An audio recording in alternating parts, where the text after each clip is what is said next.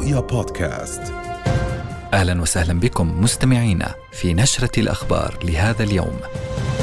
إنها السابعة والنصف من رؤيا حياكم الله وهذه نشرة إخبارية مفصلة والبداية من أبرز العناوين.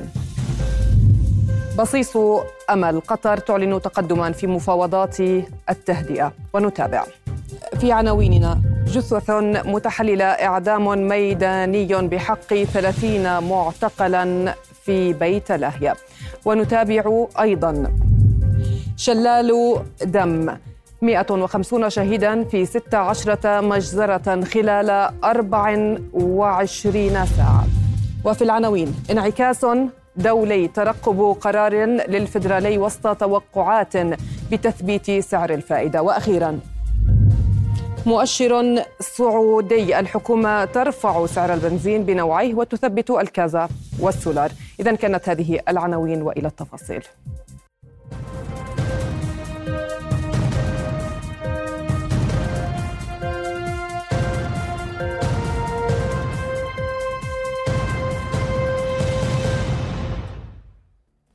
أهلا بكم.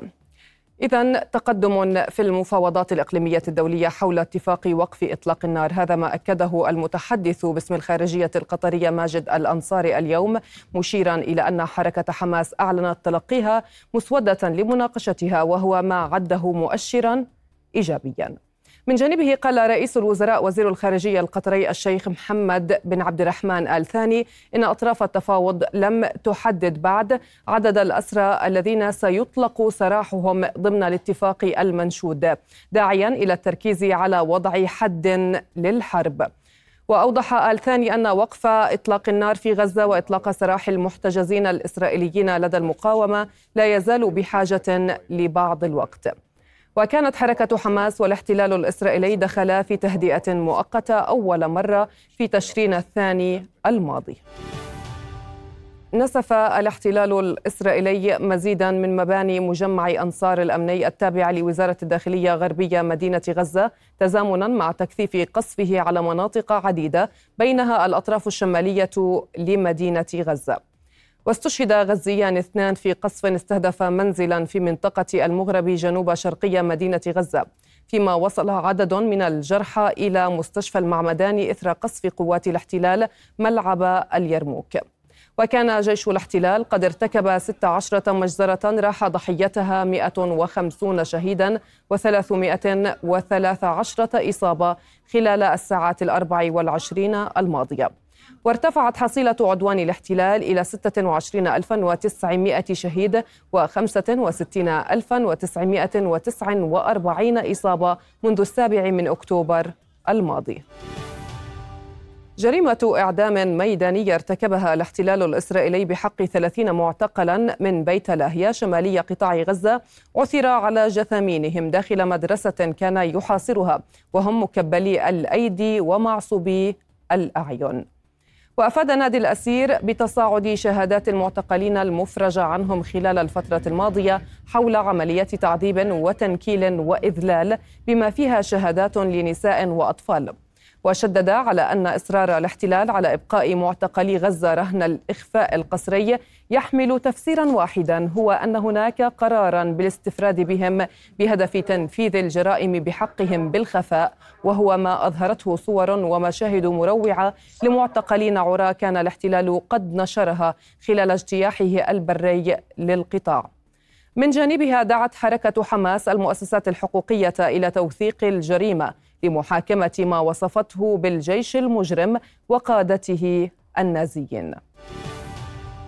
وفي غمرة المعارك الضارية فجرت سرايا القدس الجناح العسكري لحركة الجهاد دبابة صهيونية بعبوة ثاقب برميلية في محيط جورة العقاد بخان يونس كما قصفت بقذائف هاون تجمعا لجنود وآليات العدو في محيط الحي النمساوي واستهدفت سرايا القدس بصاروخ موجه مجموعة من جنود الاحتلال متحصنة داخل مبنى شمال غرب المنطقة الوسطى في قطاع غزة.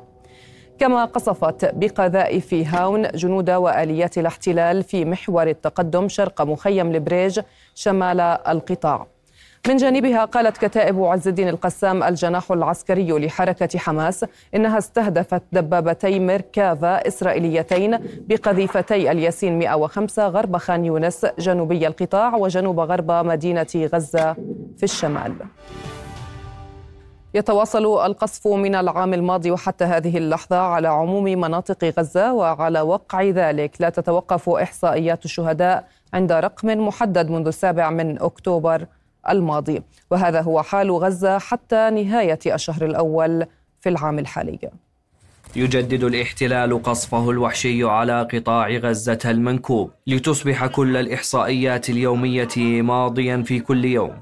ليسوا مجرد أرقام فهم أم وأب وأطفال وأحلام وطموحات.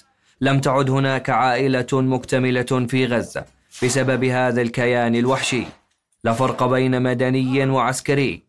أو حتى مسعف أو طبيب حتى الصحفي لم يسلم أيضا. فهذا الكيان لا يريد للصورة الخروج للعالم وكشف وحشيته الحقيقية. مجازر يومية بالعشرات. فالطائرة لا ترى غزة بشرا بل بقعة على سطح الأرض ويجب تدميرها. حتى الجوامع والكنائس المدارس والجامعات كلها مستهدفة في غزة. ينام الغزيون على أصوات القنابل وأزيز الرصاص ويستفيقوا على دوي الانفجارات والقصف انفجارات في كل مكان. لم يعد الحجر على أخيه في غزة فكلها دمرت. حتى النزوح لم يعد ضمن الحلول لدى الغزيين. الشمال والجنوب الشرق والغرب كلها تحت مرمى نيران الاحتلال. مغامرة النزوح والبرد القارس لا يعرفها إلا الغزيون من بين الركام ومن تحت المنازل. حتى المصابون فيما تبقى من المستشفيات لا يعني ذلك أنهم نجوا. فالمستشفيات مستهدفة أيضا فكل شيء مستهدف وكلهم غزيون. نعم هذه هي غزة بعد ستة وستين ألف طن من المتفجرات. ينفذ الملتقى الوطني لدعم المقاومة وحماية الوطني في الأثناء وقفات أمام مقرات الأونروا في العاصمة عمان تحت عنوان تقويض الأونروا لن يمر. هذه الوقفات تندد بوقف تمويل الأونروا الذي ينذر بتصاعد التجويع والتهجير.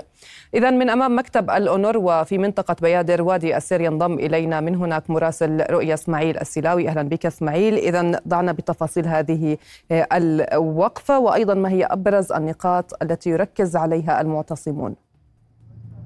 بالفعل خلاص من المفترض أن تبدأ أو أن بدأت الوقفة عند الساعة السابعة والنصف حسب الدعوة وحسب البيان الرسمي الذي أخرجته أعلنت عنه أو أعلن عنه الملتقى الوطني لدعم المقاومة وحماية الوطن الذي ينضوي تحته كل وكافة الأحزاب السياسية وحتى النقابات المهنية. كانت قد أعلنت عن ليس وقفة واحدة إنما عدد من الوقفات متزامنة كلها عند الساعة السابعة والنصف أو بعد صلاة العشاء. إنشاء المكان الرئيسي هنا عند المبنى الرئيسي مبنى آه، الأونور ووكالة آه، غوث وتشغيل اللاجئين الفلسطينيين وأيضا عند فروع هذه الوكالة في المخيمات المخيمات اللجوء الفلسطينية في عمان. أهم آه، قد يطلبه طبعا ويطالب به المعتصمون هو عدم تقويض وعدم تقويض دور الأونروا هذه الوكالة التي تمثل والتي تثبت حق العودة آخر ما قد يثبت حق العودة للاجئين الفلسطينيين حسب آه،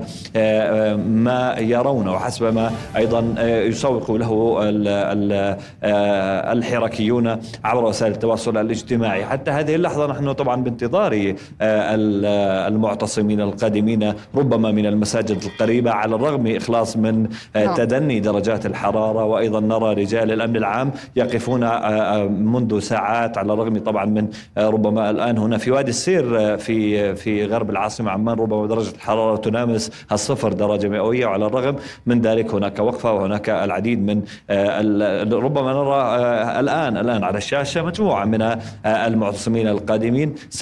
طبعا بترتيب مع قوى الأمن العام سيكون هناك مكان محدد للاعتصام دون إغلاق الشارع الرئيسي دون عرقلة عملية سير المركبات. طبعا وقفة سلمية تطالب بتثبيت هذه الوكالة وتثبيت واستمرار تمويلها يعني وتقديم الدعم. نعم. هذه الوكالة. واستمرار تمويلها يعني نعم يعني تثبيت حق عودة اللاجئين الفلسطينية فلسطينيين إلى بلادهم. سنبقى طبعا نحن زملاء في فروع أخرى للأونروا في بث حي ومباشر عبر منصاتنا نعم. لننقل آخر المستجدات. نعم. أشكرك جزيل الشكر مراسل رؤية إسماعيل السلاوي كنت معنا من منطقة بياد الوادي السير. شكرا جزيلا. وإلى الضفة الغربية المحتلة حيث شنت قوات الاحتلال حملة اعتقالات في مخيم قلنديا في مدينة القدس وذلك بعد اقتحامه خلال ساعات فجر هذا اليوم.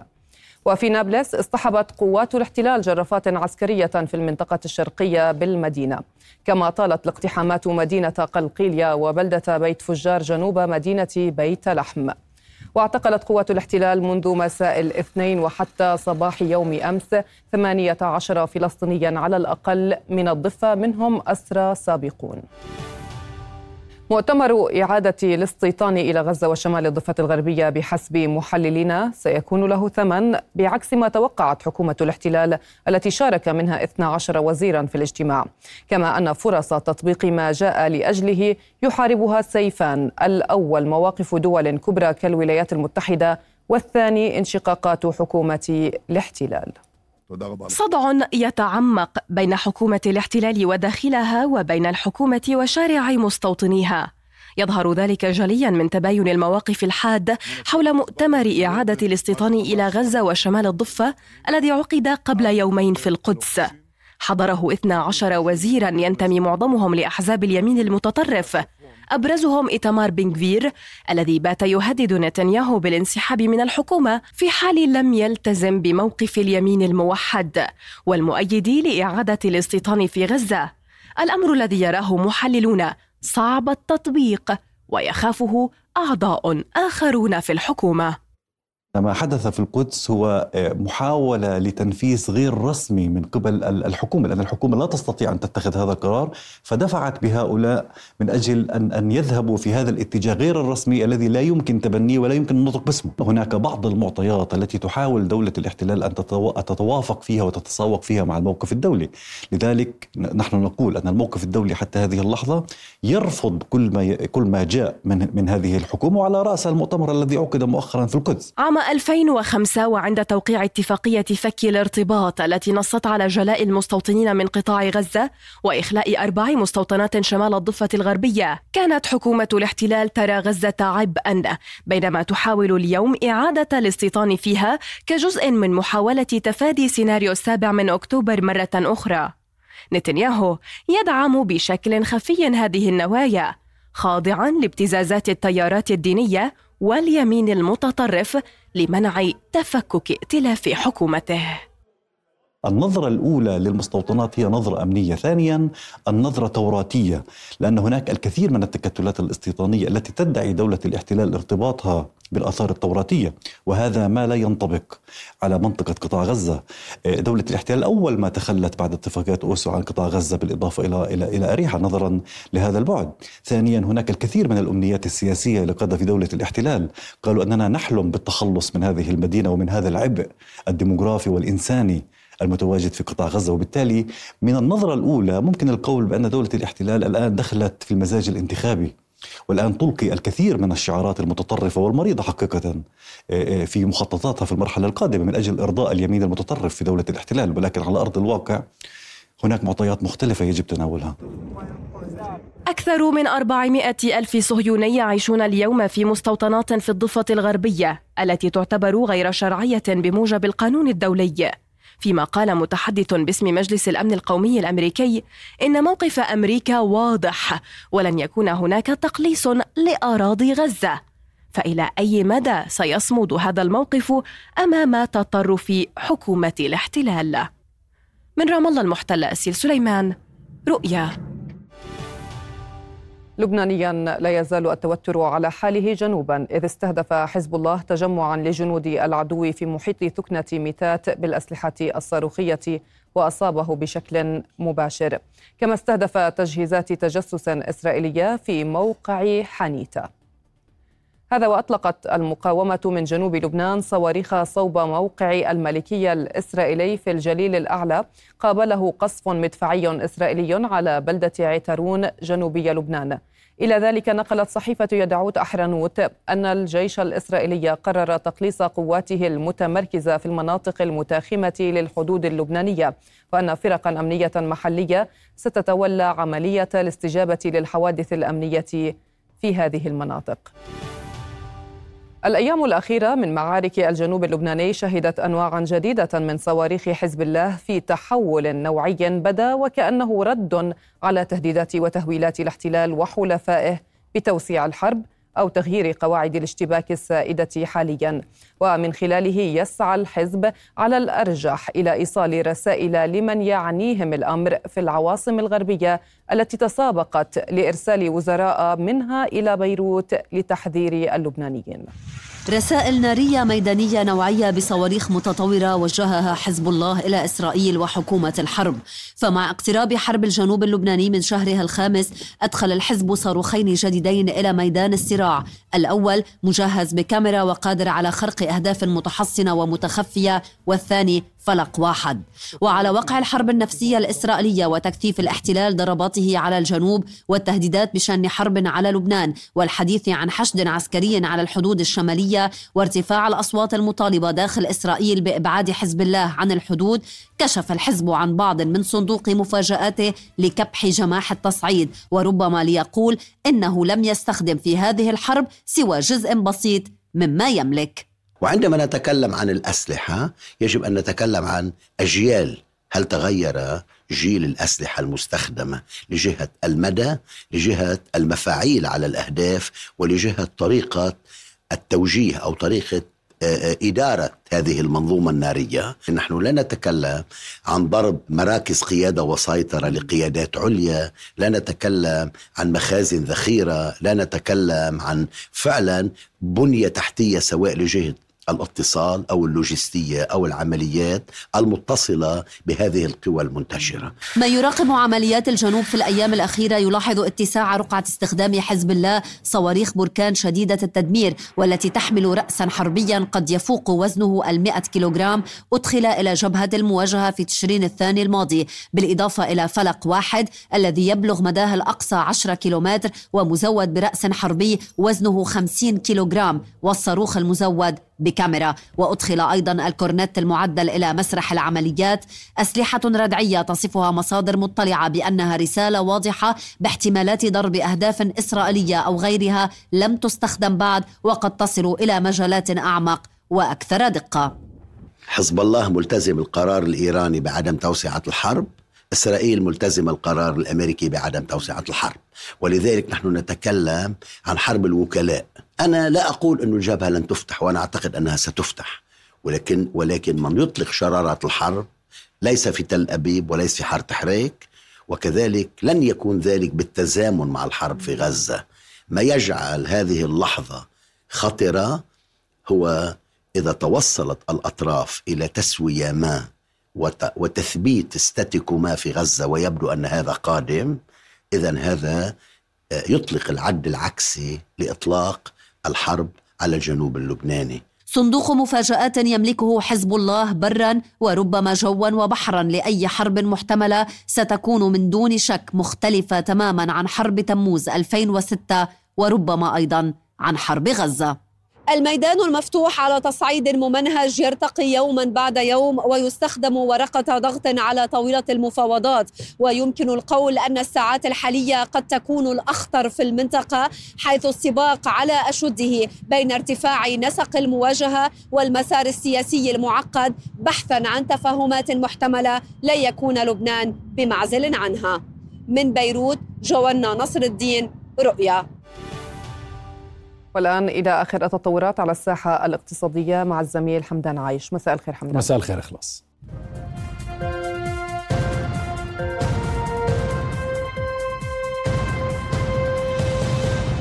أهلا بكم. نبدأ أخبارنا الاقتصادية بأسعار الفائدة. حيث ينتظر بعد ساعتين من الآن أن يصدر البنك الفدرالي القرار الأول للعام الحالي لأسعار الفائدة ومن المتوقع أن يقوم بتثبيتها.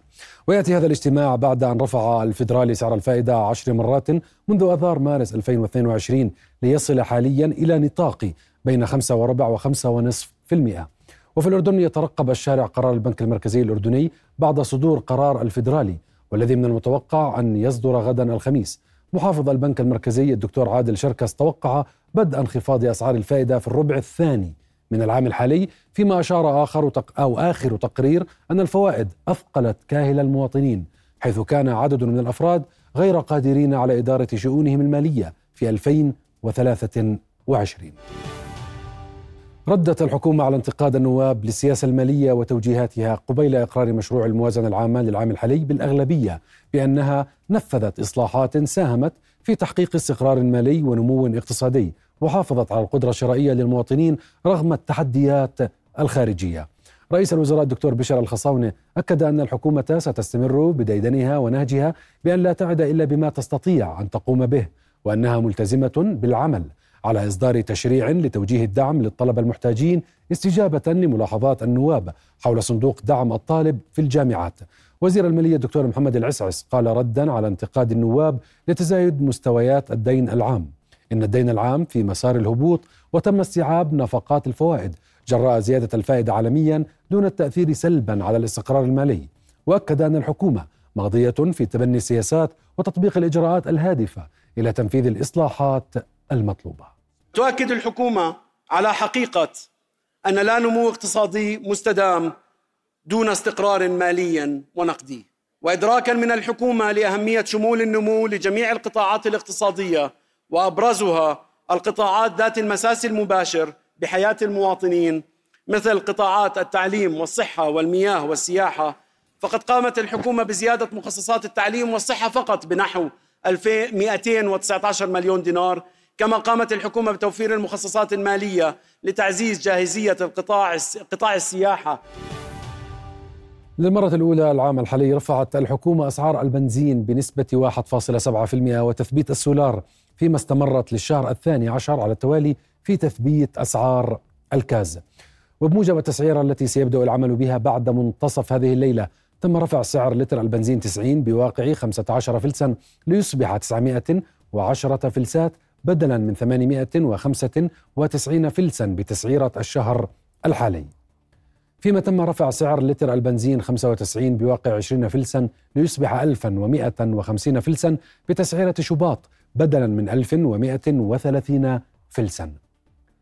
في حين لم يطرأ تغيير على سعر مادة السولار عند 720 فلسا للتر.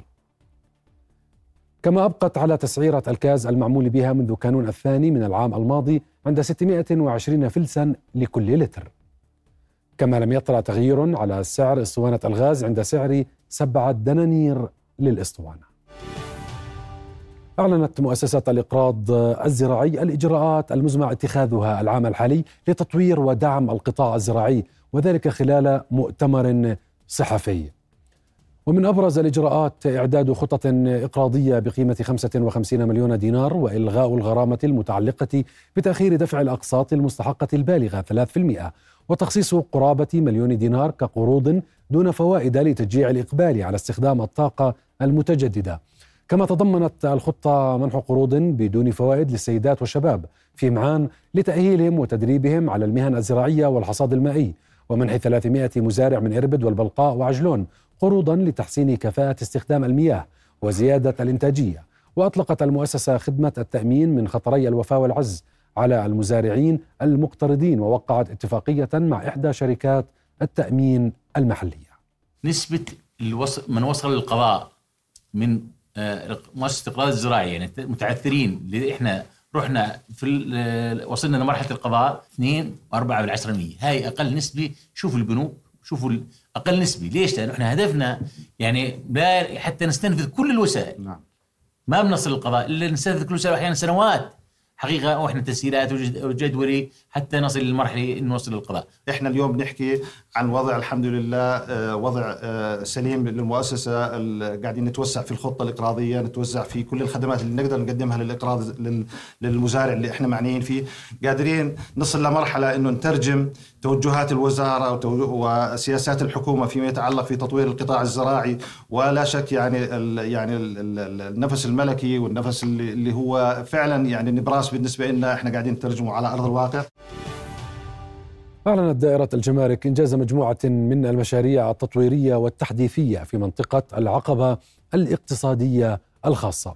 ومن أبرز الإنجازات التي أعلنت خلال ورشة عمل بالعقبة مشروع إعادة هندسة الإجراءات الجمركية الذي جاء استجابة لمطالبات التجار والصناعيين وإطلاق مشروع القائمة الذهبية ومشروع نظام الموافقات المسبقة والرخص الأردني.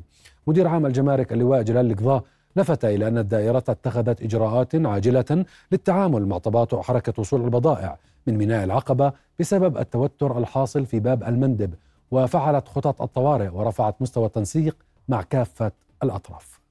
إطلاق القائمة الذهبية في منطقة العقبة الاقتصادية آه، لتسهيل التجار والصناعيين أسوة بالمنطقة الجمركية.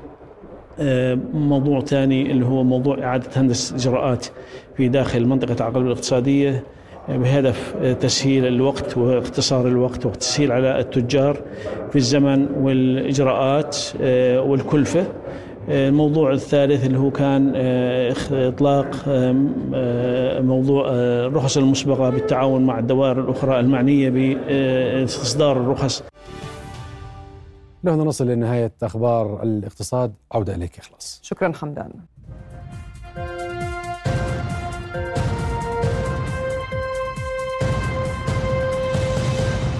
أهلا بكم من جديد.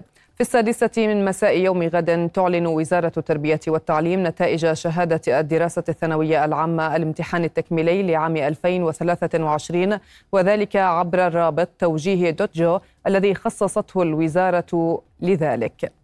من جانبها أعلنت وزارة التعليم العالي والبحث العلمي أن تقديم طلبات الالتحاق بالجامعات للطلبة الناجحين سيبدأ إلكترونيا صباح يوم الأحد المقبل ولمدة ثلاثة أيام ولغاية الساعة الثانية عشرة ليلا من يوم الثلاثاء المقبل.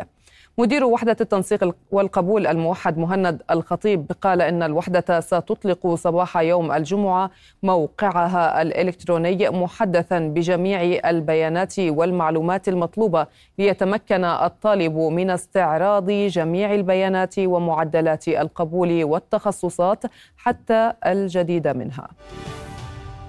وفي سياق ذي صلة شددت النيابة العامة من إجراءاتها بحق مطلقي العيارات النارية بالمناسبات وأصدرت الأوامر للنواب العامين بتوجيه المدعين العامين في جميع مناطق المملكة بملاحقة كل شخص يقوم بإطلاق العيارات النارية تزامنا مع إعلان النتائج يوم غد.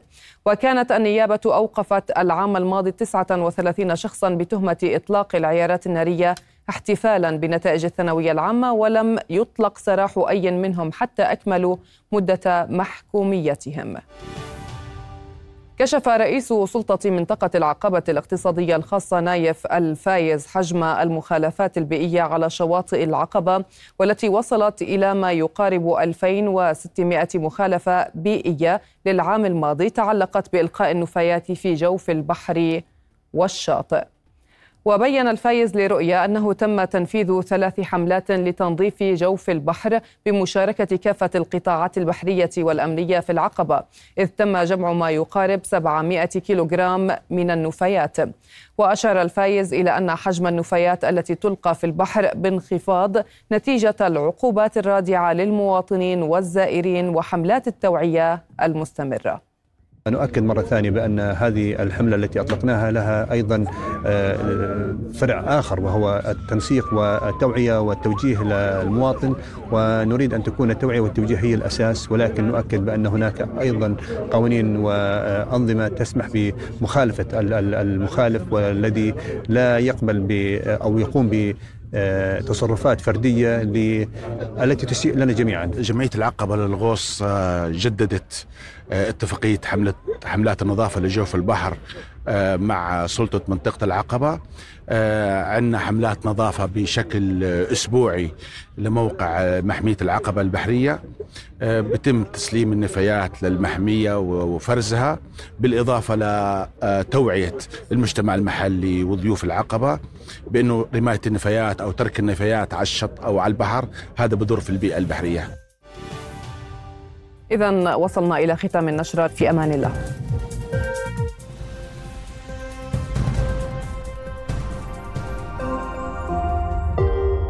بودكاست.